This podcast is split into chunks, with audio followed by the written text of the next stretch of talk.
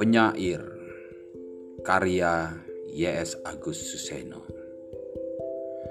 Tugas sedih penyair adalah membuka selubung sejarah.